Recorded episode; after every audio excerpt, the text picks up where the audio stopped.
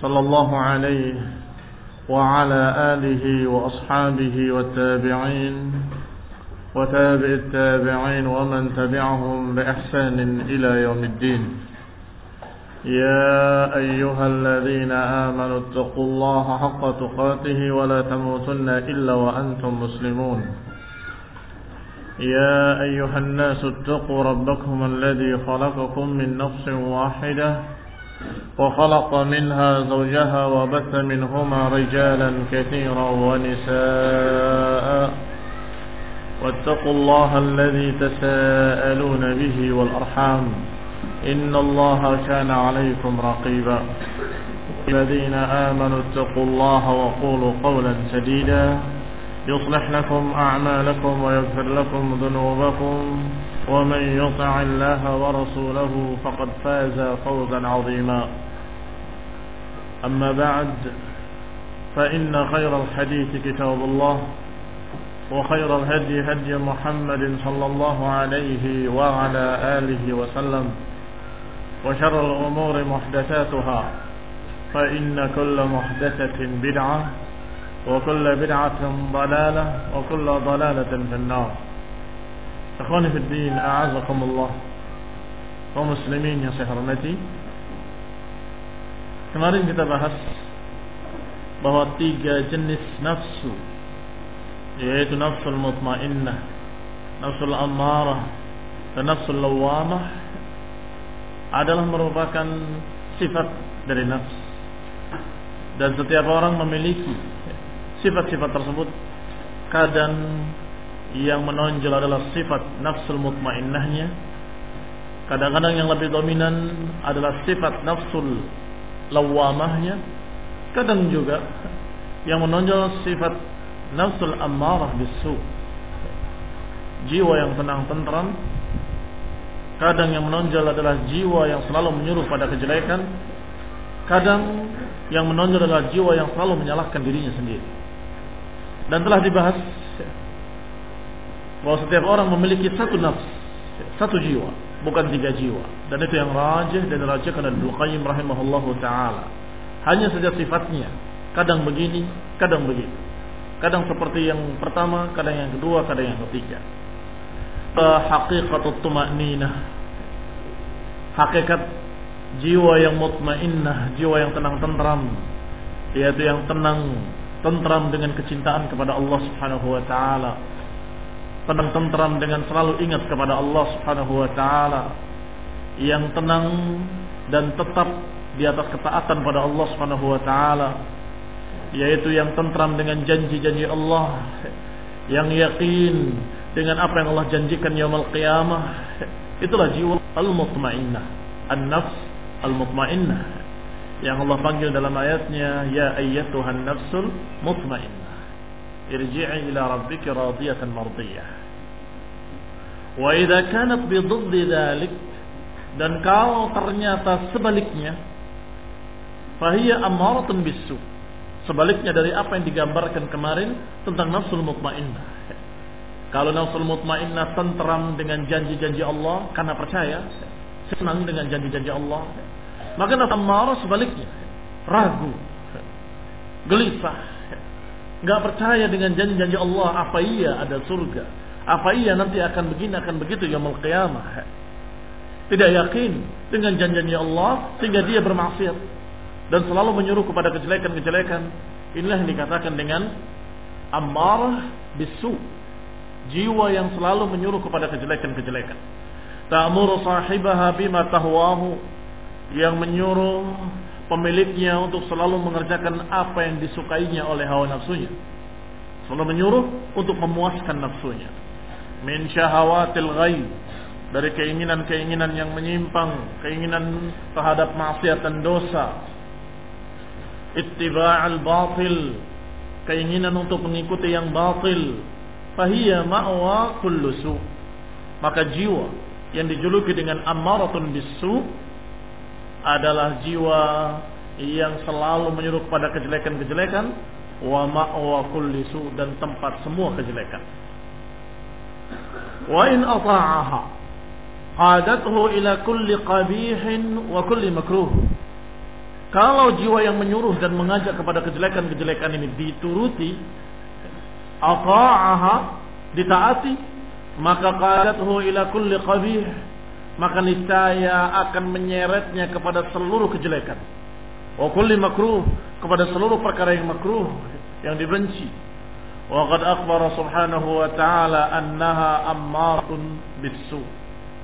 Fala ubri'u nafsi, inna nafsa la ammaratun bisu. Aku tidak membebaskan atau tidak membela nafsuku. Memang yang namanya nafsu itu menyuruh pada kejelekan. Tapi aku tidak turuti. Karena Allah Inna nafsa la ammaratun bisu. Karena memang demikianlah yang namanya an-nafs memiliki sifat ammarah bisu.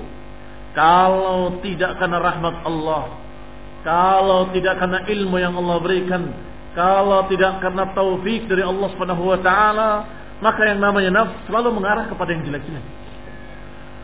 Dan disebutkan oleh Allah Subhanahu wa taala dalam Al-Qur'an dengan kalimat ammaratun bisu. Dengan wazan fa'alah. Apa maknanya fa'alah? Tidak disebutkan amirah, tapi disebutkan ammarah. Amirah yang menyuruh. Kalau ammarah yang terus menerus menyuruh ada mubalaghah di sana. Tidak sekedar kalimatnya dengan wazan fa'il yaitu amir yuruh yang memerintahkan tapi disebutkan dengan ammar yang selalu memerintahkan. Likasrati dzalika minha karena demikian yang selalu terjadi. Wa annahu adatha adatuha wa da'buha illa idza rahimahallahu wa ja'alaha zakiyah. Karena memang itulah sifat dari nafsu Sifat dari nafsu adalah selalu menyuruh pada kejelekan-kejelekan, selalu mengajak kepada yang batil. Karena itulah ajatuha, itu kebiasaannya, itulah da'buha, jalannya. Fa'innaha bidatiha ammaratun bisu. Karena memang zatnya nafsu selalu menyuruh kepada yang jelek-jelek. Sehingga Allah tidak sebutkan dengan amirah, tapi Allah sebutkan dengan kalimat ammar yang selalu menyuruh. li'annaha khuliqat fil asli jahilatan zalimah karena memang diciptakan oleh Allah Subhanahu wa taala pada asalnya diciptakan aslinya dalam keadaan jahilah zalimah dalam keadaan voluman jahula voluman jahula selalu berbuat jelek selalu berbuat zalim demikian asalnya dalam arti kata, kalau yang namanya nafsu, begitulah keadaannya. Kecuali kalau terbimbing dengan ilmu. Kalau terbimbing dengan taufik dari Allah Subhanahu wa taala. Maka dikecualikan illa man rahimahullah atau illa man rahimahullah. Wal adl wal ilm tari'un bi ilhami rabbiha. Adapun keadilannya, kebijakannya, keilmuannya pada jiwa itu sifatnya tarik Orang itu sifatnya datang berikutnya. Ketika lahir, seorang manusia tidak memiliki ilmu apa pun. Tidak memiliki hikmah apa pun. Memiliki pengetahuan, tidak memiliki bimbingan, memiliki apa-apa. Maka ketika dibiarkan tanpa ilmu, maka niscaya akan tumbuhlah jiwa yang ammaratun bisu. Kapan datangnya ilmu? datangnya ilmu setelah dia mulai mumayyiz kemudian bertanya apa enggak boleh ini apa halal apa haram bagaimana kata Allah apa kata Rasul apa hadisnya apa ayatnya mulai. Dia terbimbing dengan ilmu. Berarti ada ilmu pada jiwa pada nafsu ilmu sebagai sesuatu yang fari sedangkan zulm wal jahl sebagai sesuatu yang asli. Hukum asalnya zulm zalim dan jahal dan bodoh. Dan ilmu datang berikutnya. Dengan taufik dari Allah Subhanahu wa taala. Qala fa idza lam yulhimha rusdaha maka kalau Allah Subhanahu wa taala tidak mengilhamkan ilmu kepadanya, tidak membimbingnya dengan ilmu, baqiyat ala zulmiha wa jahliha. Maka jiwa akan tetap di dalam kezaliman dan kebodohan. Kalau enggak ngaji, nggak duduk belajar ayat dan hadis, maka jiwa-jiwa manusia ini akan tetap dalam keadaan zalim dan jahil. Min asliha. Sesuai dengan aslinya. Zaluman jahula. Sangat zalim, sangat bodoh, dan sangat jahat. Menyuruhnya kepada yang jelek-jelek. Maka harus diingat-ingat oleh tulabul ilm, para pencari ilmu. Bahwa dengan mencari ilmu din, mencari qala Allah wa qala Rasul, jiwa akan terbimbing dengan ilmu dan akan selamat dari perangai aslinya. Selamat dari perangai yang sudah diciptakan demikian sebelumnya. Ya ini ammaratun bisu. Jiwa yang selalu menyuruh pada kejelekan. Falan takun ammarah illa bimujibil jahl wa dhulm. Sekarang yang namanya kejahatan, kejelekan, dosa, maksiat biasanya diinginkan oleh sesosok jiwa. Diinginkan oleh seorang manusia karena apa? Karena apa? Karena dua perkara. Bimujibil jahli wa dhulmi. Karena dorongan kebodohannya, nggak ngerti kalau itu jelek. Atau dorongan keinginannya bahwa dia ingin yang jelek-jelek. Falaulam falaula fadlullahi wa rahmatihi 'alal mu'minin kalau saja bukan karena fadilah dari Allah dan rahmatnya atas orang-orang mukmin, ma zakat minhum nafsun wahidah kalau saja tidak karena fadilah dari Allah, mazaka minhum min ahad. Kalau tidak karena Allah, nggak ada orang yang selamat, nggak ada orang yang bersih jiwanya satupun. Kalau bukan karena bimbingan Allah dalam Quran, kalau bukan karena Allah utus seorang Rasul, kalau bukan karena Allah jaga dikra ini, Inna nahnu nazzalna dzikra wa inna lahu lahufidhun kata Allah. Kami yang menurunkan dzikra ini dan kami yang akan memeliharanya. Maka Allah yang menurunkan kitabnya, Allah yang mengutus Rasulnya dan Allah yang menjaga dikra ini terus menerus terjaga sampai hari ini dan sampai hari kiamat kelak.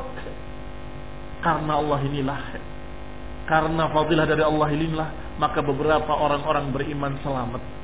Selamat dari jiwa yang amaratun bisu. Selamat dari jiwa yang dahula. Selamat dari tarikan-tarikan hawa nafsunya. Walhamdulillah rabbil alamin. Segala puji hanya bagi Allah Subhanahu wa taala. Maka dikatakan oleh Ibnu Qayyim rahimahullah, walaula falaula fadlullahi wa rahmatihi 'alal mu'minin ma zakat minhum min ahad ma zakat minhum nafsun wahidah. Kalau bukan karena fadilah dari Allah, kalau bukan karena pemberian dari Allah dan rahmatnya dan kasih sayangnya atas orang beriman, maka nggak akan ada yang selamat. Satu jiwa pun nggak akan ada yang selamat. Tetapi karena rahmat Allah, Allah turunkan kitabnya sebagai ilmu rahmat Allah, Allah turunkan Rasulnya sebagai guru. Mengajarkan kepada manusia apa yang dimaukan oleh Allah taala dalam Quran. Dan karena rahmat Allah Subhanahu wa taala, Allah kekalkan dikrai sampai hari ini. Karena rahmat Allah Subhanahu wa taala Allah bangkitkan setiap 100 tahun seorang ulama yang yujaddid, yang memperbaharui lagi seperti baru kembali agama ini. Walhamdulillah maka selamatlah sekian banyak orang-orang yang beriman dengan bimbingan Allah Subhanahu wa taala.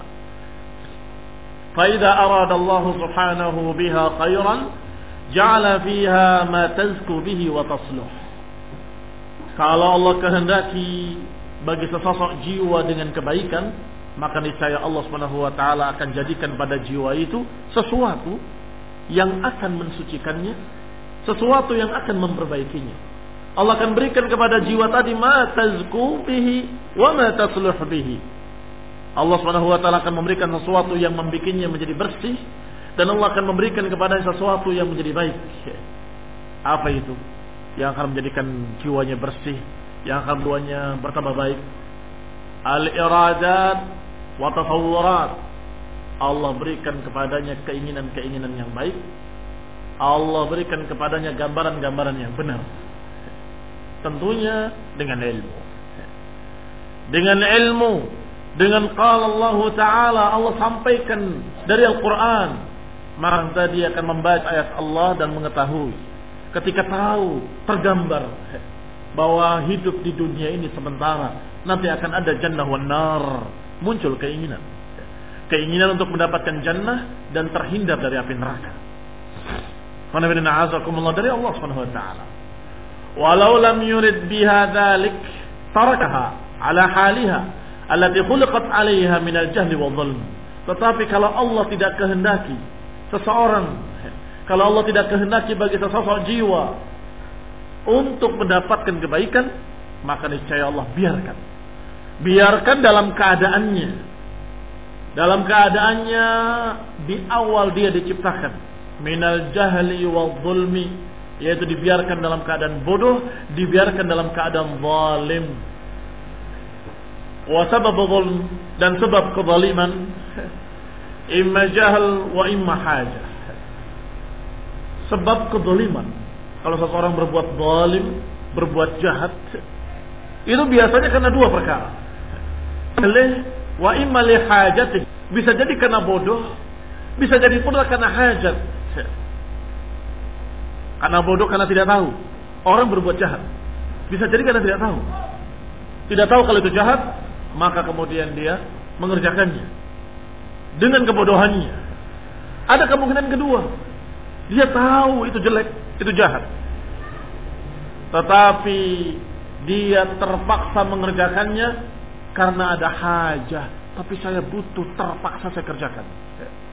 Karena butuh sesuatu, dia berbuat jahat tadi. Berarti dia kalah dengan kebutuhan dunia, kemudian dia berbuat dosa. Wahia fil asli jahilah. Sedangkan jiwa ini fil asl pada asalnya memang bodoh. Tidak ngerti apa-apa. Mana yang baik, mana yang jelek dia tidak tahu. Mana yang halal, mana yang haram dia tidak tahu. Mana yang hak, mana yang batil dia tidak tahu. Ini jiwa pada aslinya tidak ngerti apa-apa. Yang kedua, jiwa fi aslihi pada jiwa itu memiliki hajah, memiliki kebutuhan-kebutuhan. Wal hajah lazimah dan kebutuhan yang lazim. Orang butuh makan. Lazim atau tidak lazim? Lazim, mesti. Tidak makan mati dia. Dia butuh ini, butuh ini, butuh ini yang merupakan fasilitas hidupnya. Maka yang namanya jiwa seseorang pasti akan mencari kebutuhannya. Pasti. Kalau dia tahu ini yang halal, dia akan cari dengan cara yang halal. Kalau nggak tahu, bisa jadi dia cari dengan cara yang haram. Merampas dari sana, merampas dari sini. Atau dia berbuat curang, atau berbuat zalim atau menipu. Dengannya al-muhim. Bagi dia yang penting saya mendapatkan hajatku. Kalau tidak tahu. Tetapi kadang-kadang sudah tahu itu adalah haram, sudah tahu itu dosa, tapi kebutuhannya sangat berat, kebutuhannya sangat tinggi, maka dia menyatakan sudahlah. Mau halal, mau haram terserah, pokoknya saya bisa makan. Ini nafsul ammarah bisu, jiwa yang nyuruh. Nafsunya yang nyuruh, pokoknya saya ingin, saya ingin makan. Saya ingin memuaskan dan saya ingin mendapatkan kebutuhan saya. Inilah yang dikatakan inna nafsa la ammaratun bisu. Sungguhnya jiwa selalu menyuruh kepada kejelekan. Kenapa? Karena jiwa memiliki dua yang merupakan sifat aslinya. Dan yang kedua, kebutuhan. Karena kebodohannya dia akan melanggar-melanggar. Akan mengerjakan yang haram-haram. Karena kebutuhannya, maka bisa jadi dia akan mengerjakan perkara-perkara yang zalim. Karena kebutuhannya. Wa bihadza falidzalika kana amruha bisu lazimah. Oleh karena itu jiwa yang demikian perintahnya kepada kejelekan adalah suatu sifat yang ada padanya. Illam tudrikaha rahmatallahi wa fadlih. Kalau tidak segera dicegah dengan rahmat Allah, dengan fadilah dari Allah, ya akan menjadi begitu. Akan menjadi ammaratun bisu. Ammaratun bisu seperti binatang ternak. Manusia yang memuaskan nafsunya, pokoknya saya suka, pokoknya saya mau, pokoknya saya senang. Ini seperti dia akan makan makanan yang dihadapannya, tidak peduli, tidak peduli milik siapa pun. Iya kan? Sapi, apa akan tanya? Ketika dia mau makan rumput yang ada di hadapannya. Apakah dia akan tanya ini milik siapa? Halal apa haram? Tidak. Pokoknya apa yang di hadapannya dia makan. Demikian pula pasangan yang di hadapannya akan dia kawini. Nggak peduli. Apakah itu anaknya sendiri, atau ibunya sendiri, atau siapa pun nggak peduli. Nggak akan tanya kamu anak siapa, siapa orang tuamu, siapa walinya. Terus dilamar nggak akan. Sapi nggak akan nanya. Maka kalau manusia hanya memuaskan hawa nafsunya tanpa peduli halal dan haram, hanya mengikuti amarah bisu, hanya mengikuti jiwanya yang selalu amarah bisu, maka mereka kal an'ami balhum adal kata Allah. Mereka seperti binatang ternak bahkan lebih rendah lagi. Wa bihadza yu'lam anna darurat al-'abdi ila rabbih fawqa kulli darurah. dengan kata lain berarti tanpa agama manusia itu seperti binatang ternak karena jiwanya dalam keadaan seperti aslinya. Jiwanya seperti aslinya. Pokoknya apa yang dia mau dia. Pokoknya apa yang dia suka dia kerjakan. Seperti aslinya voluman jahula. Tetapi dengan agama maka dia tahu mana halal, mana haram, mana yang hak, mana batil, mana yang boleh, mana yang tidak boleh, apa hukumnya dan sebagainya dia tahu. Berarti hajatul insan ila rabbih Berarti kebutuhan manusia kepada Allah Subhanahu wa taala fauqa kulli darurah. Kebutuhan manusia kepada Allah Subhanahu wa taala di atas seluruh kebutuhan. Di atas seluruh darurah. Wala tushbiha daruratun tuqasu biha dan tidak ada kepentingan apa pun yang bisa dikiaskan dengan kepentingan ini. Kepentingan butuhnya manusia kepada Allah Subhanahu wa taala enggak bisa dibandingkan dengan apa pun. Karena tanpa bimbingan Allah Subhanahu wa taala akan jadi binatang ternak. Tapi dengan bimbingan Al-Qur'an wa dia akan menjadi manusia yang mulia, manusia yang terhormat di dunia dan di akhirat. Faslun. Wa amma al-lawwamah. Kalau tadi nafsul ammarah bisu yang dikatakan di akhir kalimat oleh Ibnu Qayyim fa innahu in amsaka anhu rahmatahu wa tawfiqahu wa hidayatahu farfat ain khasira wa halak bahwa manusia kalau dibiarkan oleh Allah tanpa rahmat, tanpa taufik, tanpa bimbingan, maka niscaya manusia akan binasa. Manusia itu akan rugi, akan hancur. Karena akan terseret oleh jiwa yang amarat bisu. Faslun wa amman lawamah. Adapun nafsu al-lawamah Jiwa yang ketiga adalah jiwa yang disebut lawamah. Berselisih para pakar-pakar ahli lughah fi istiqaqi hadhihi lafzah. Mereka berbeda pendapat tentang asal kata dari al-lawamah. Apakah dari kata talawum atau dari kata al-lawm? Al-lawamah itu diambil dari kata talawum atau diambil dari kata laum? Dan keduanya berbeda. Kalau talawun wa talawun. Maknanya ada talawun. Berwarna-warni wa taraddud bolak-balik. Itu talawun kadang begini kadang begitu. Kadang begini kadang begitu. Itu talawun au hiya minal laum. Atau dari kata laum. Sedangkan laum maknanya adalah celaan atau menyalahkan. Menyalahkan dirinya sendiri ibarat tadur ala hadainil ma'nayain dan ungkapan-ungkapan tentang masalah lawamah berkisar pada dua kata, berkisar pada lawamah, berkisar pada laum atau talawum. Kata Sa'id bin Jubair rahimahullah. Aku berkata kepada Ibn Abbas, "Man lawamah?" Wahai Ibn Abbas, apa yang dimaksud dengan al-lawamah? Dijawab oleh Ibn Abbas radhiyallahu taala anhuma, "Hiya an-nafsul laum." Nafsu adalah nafsul laum. Berarti dari kata apa? Al-laum atau talawum? Laum dari kata laum. Karena firman azakumullah kata Ibn Abbas jiwa yang selalu menyalahkan dirinya. Berkata Mujahid, "Lati tandam ala ma fata wa talunu alai." Kata Mujahid, Al-lawamah adalah jiwa yang selalu menyalahkan apa yang telah lewat dari apa yang dikerjakannya. Watalumu alaih dan selalu mencerca dirinya. Menyalahkan dirinya dan mencercanya. Berkata Qatada rahimahullah, Al-lawamah maknanya adalah al-fajirah. Al-fajirah pendosa.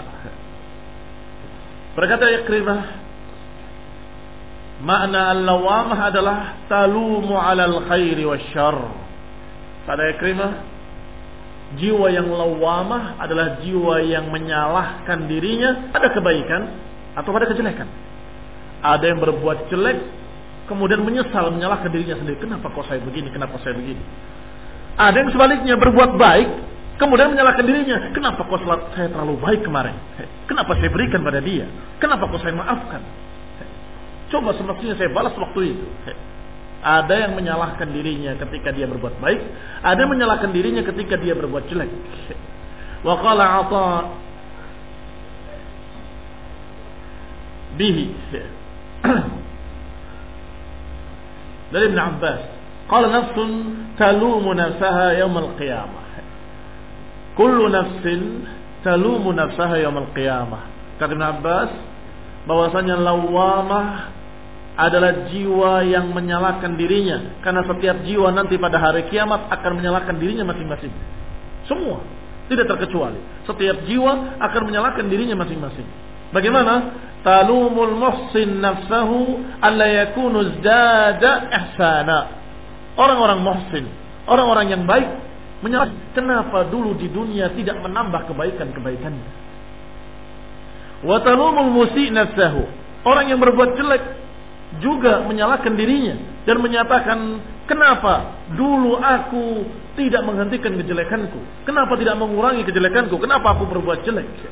Yang baik menyalahkan dirinya, kenapa kok cuma segitu kebaikannya? Kenapa tidak ditambah kebaikannya? Orang yang jelek juga menyesal dan menyalahkan dirinya, kenapa dia berbuat jelek? Kullu nafsin setiap jiwa pada saat itu akan mencerca dirinya sendiri. La uqsimu bin nafsil lawamah kata Allah. Aku bersumpah dengan jiwa yang laum, dengan jiwa yang selalu menyalahkan dirinya.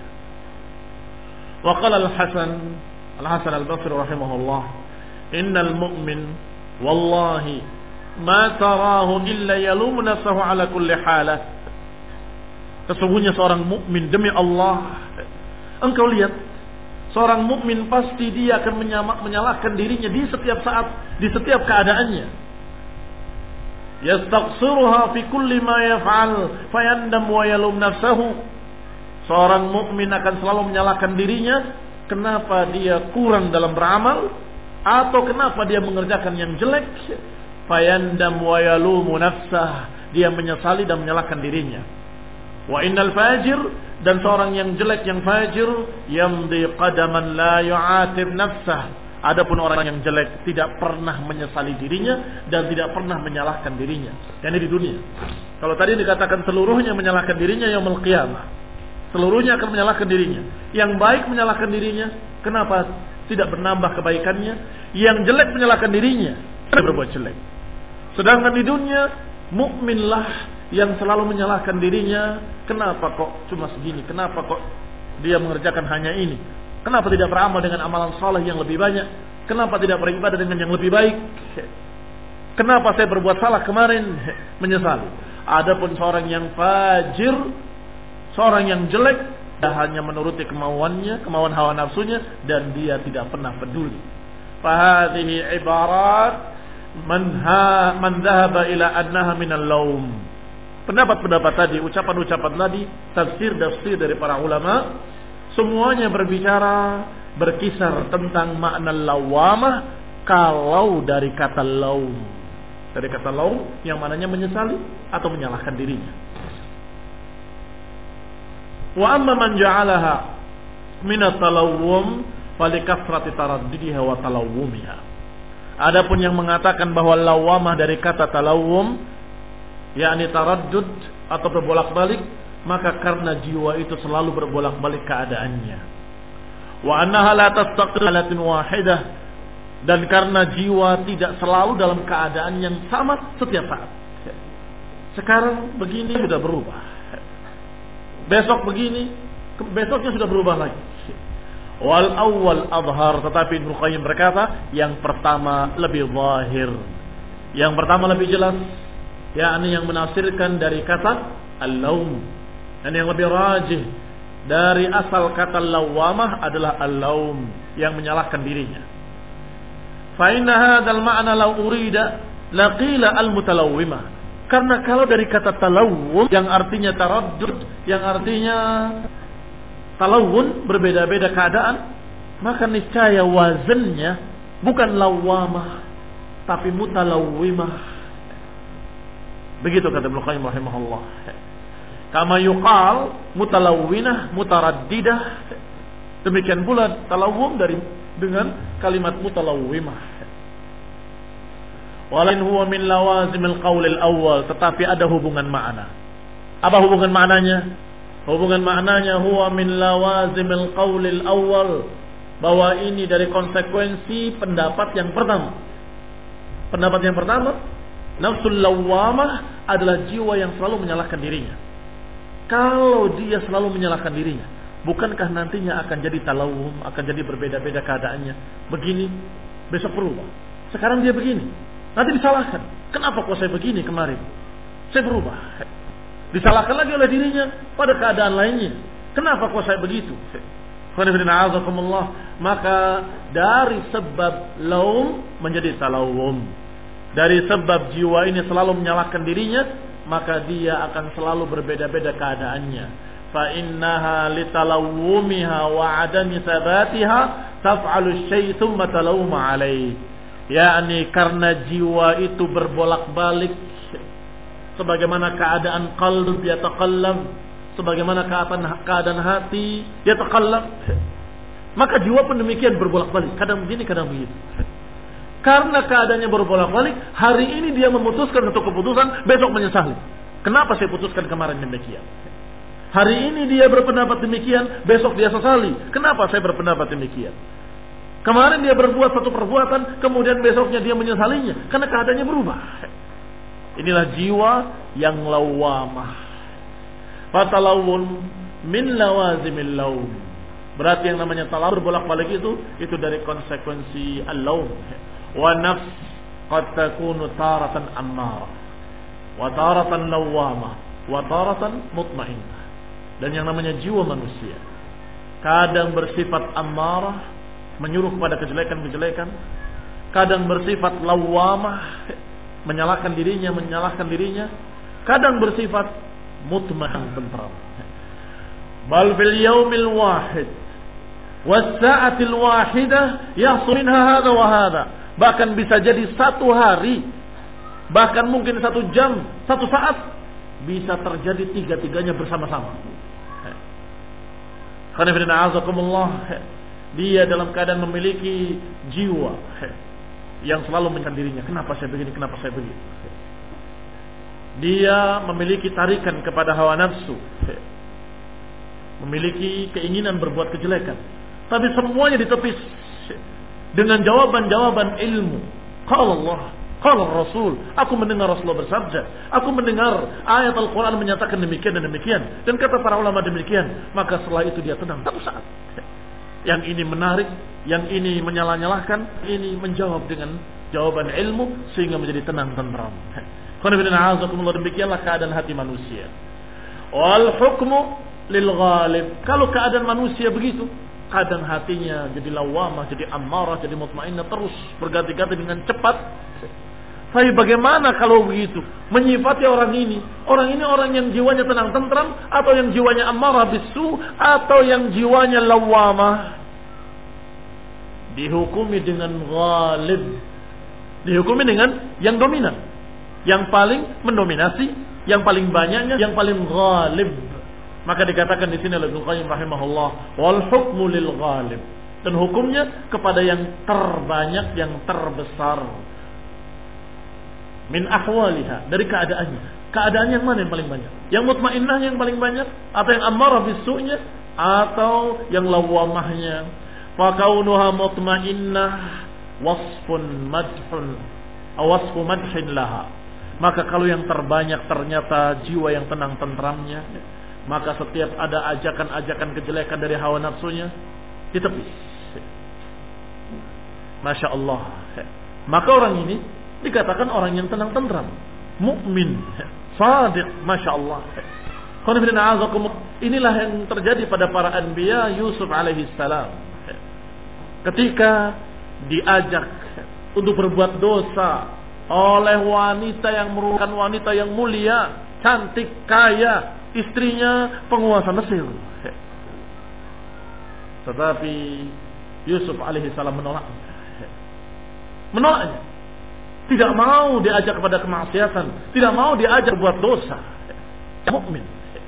Jiwanya mutmainnah nafs al-mutmainnah. Tetapi kemudian beliau berkata, wala ubarri'u nafsi. bisu. Aku tidak membela nafsuku. Kalau nafsu itu memang menyuruh pada kejelekan. Laula burhana rabbi. Kalau saja bukan karena dari Allah. Kalau saja bukan karena bimbingan dari Allah. Niscaya aku akan terbawa. Aku tidak membebaskan nafsuku. Nafsu memang mengajak kepada kejelekan. Tetapi yang dominan, yang galib adalah jiwa yang mutmainnahnya. Sebagian manusia terbalik. Jiwa yang mutmainnahnya sudah menjawab. Sudahlah tenang. Niscaya nanti yang kiamat kamu akan dapat yang lebih nikmat akan kamu dapatkan yang lebih kekal, lebih lezat. Sabar. Tapi terus jiwa yang amarah bisu menyuruhnya kepada kejelekan. Terus menerus sampai jiwa yang tadinya tenang tentram berubah. Maka orang ini sebaliknya dari yang tadi. Dia punya jiwa yang mutmainnah, tapi yang dominannya adalah jiwa yang amaratun bisu dan dia dikuasai oleh hawa nafsunya. Maka dia melanggar dan berbuat dosa besoknya atau kemudian harinya mulai dia ingat dosanya dan menyesali kembali. Nafsu al-lawwamah. Nafsu yang menyalahkan dirinya. Kenapa kok kemarin saya kalah? Kenapa saya kemarin berbuat demikian dan demikian padahal saya tahu bahwa itu haram, itu dosa. Nanti yaumul qiyamah Allah akan balas dengan kebaikan-kebaikan yang lebih lebih kekal, lebih tinggi, lebih sempurna kenikmatannya. Inilah jiwa-jiwa manusia kadang demikian, kadang demikian, kadang demikian. Kalau yang mendominasinya adalah jiwa yang mutmainnah, maka itu sifat madhin, sifat yang terpuji. Kalau yang menguasainya adalah jiwa yang amaratun bisu, yang selalu menyuruh pada kejelekan, maka itu adalah wasfu dzammin laha. Sifat tercaan terhadapnya. Wa kauniha lawamah yang min al-madah wa Kalau keadaannya lawamah, maka bisa dua kemungkinan. Bisa madah, bisa pujian, bisa pula dzam, cercaan. Bihasbi ma talumu alaih, sesuai dengan apa yang disalahkannya. Lawamah kan menyalahkan dirinya. Apa yang disalahkannya? Kalau disalahkannya kebaikan-kebaikan, berarti orang jelek.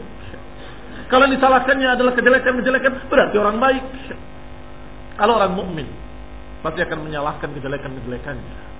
Kenapa kok saya berbuat begini dulu? Kenapa saya berbuat begini? Tapi kalau orang yang jelek, justru dia menyalahkan dirinya ketika berbaik, berbuat baik. Kenapa kemarin saya maafkan? Kenapa kemarin saya berikan kepada dia sodakohnya? Kenapa kok saya kemarin berbuat baik demikian demikian? Coba kalau tidak nih saya saya masih kaya sekarang ini. Menyesali perbuatan baik. Maka itulah orang yang jelek. Maksud dari pembahasan ini kata Ibnu Qayyim, dzikru ilaji maradil qalbi bi istila'in nafsil amarah alaih. Maksud pembahasan ini adalah menyebutkan bagaimana mengobati hati, mengobati penyakit hati ketika dikuasai oleh hawa nafsu yang selalu menyuruh pada kejelekan. Berarti hati yang sakit ketika hati itu dikuasai oleh jiwa yang amarah bisu, jiwa yang selalu menyuruh pada kejelekan walahu ilajan dan pengobatannya ada dua cara pengobatan. Pertama, muhasabatuha dan kedua mukhalafatuha. Dua pengobatannya untuk mengobati jiwa yang dikuasai oleh jiwa yang jelek yang menyuruh pada kejelekan. Pertama muhasabah. Selalu periksa diri dan menghitung diri. Yang kedua, menyelisihinya. Menyelisihinya yakni jangan menuruti jiwa yang amaratun bisu. Jiwa yang amaratun bisu kalau dituruti melunjak. Turuti satu, agak lebar. Akan minta dua. Dituruti dua akan minta empat.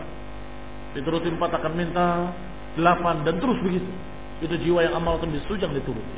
Sehingga pengobatannya satu, muhasabah menghitung jiwa, menghisap jiwa sebelum dihisap oleh Allah. Yang kedua, menyelisihinya, jangan menurutinya. Wahalakul qalbi min ihmali muhasabatiha. Binasanya hati ketika lupa melalaikan tidak menghitung keadaan jiwa. Tidak memeriksa diri. Ini akan binasa. Waman wamin muwafaqatiha dan juga binasanya jiwa karena mencocoki dan menuruti kemauan jiwa yang amaratun bis. Wattiba'i hawaha dan mengikuti hawa nafsunya. Binasanya hati karena tiga perkara ini. Tidak menghisapnya, ini tidak memeriksanya. Kedua, menuruti kemauan hawa nafsu. Dan yang ketiga, dia dalam keadaan tidak berhati-hati dari hawa nafsunya. Wabil hadis alladhi rawahu Ahmad wa ghairihi min hadis Shaddad bin Aus. Disebut di sini hadis tapi hadis disebut kelemahan dari riwayat Tirmidzi dan Imam Ahmad dan Ibnu dan didhaifkan oleh Syekh Al-Albani. Al-kayyis man dana nafsahu wa amala lima ba'da al-maut. Seorang yang cerdas adalah seorang yang menundukkan hawa nafsunya dan beramal untuk setelah mati nanti. Wal ajiz sedangkan orang yang lah adalah orang yang mengikuti hawa nafsunya dan mengangankan angan-angan dari Allah Subhanahu wa taala. Baik. Ada asar dari Umar bin Khattab radhiyallahu taala anhu yang menyatakan hasibu anfusakum qabla an tuhasabu. Hisablah diri kalian sebelum kalian dihisab nanti. Hisablah diri kalian, ini hitunglah diri kalian sebelum kalian dihisab oleh Allah Subhanahu wa taala. Bagaimana menghisab itu? Setiap hari ketika kalian berbaring di pembaringan kalian berdoa pada Allah Subhanahu wa taala akan tidur kalian ingat-ingat apa yang sudah dilakukan hari ini apa yang kita kerjakan kenapa kita kerjakan demikian kalau baik bersyukurlah pada Allah Subhanahu wa taala. Kalau jelek bertekadlah untuk tidak berbuat lagi besok dan menyesali perbuatan tersebut. Minta ampun pada Allah Subhanahu wa taala. Ini akan membantu untuk waspada terhadap jiwa yang amal atau bisu. Ada ucapan-ucapan para ulama insyaallah pada kajian mendatang باذنillah taala yang masalah ini yang dibawakan oleh Ibnu Qayyim rahimahullahu taala. Digambarkan oleh mereka para ulama bahwasanya jiwa yang ammaratun bisu itu seperti syarikin su.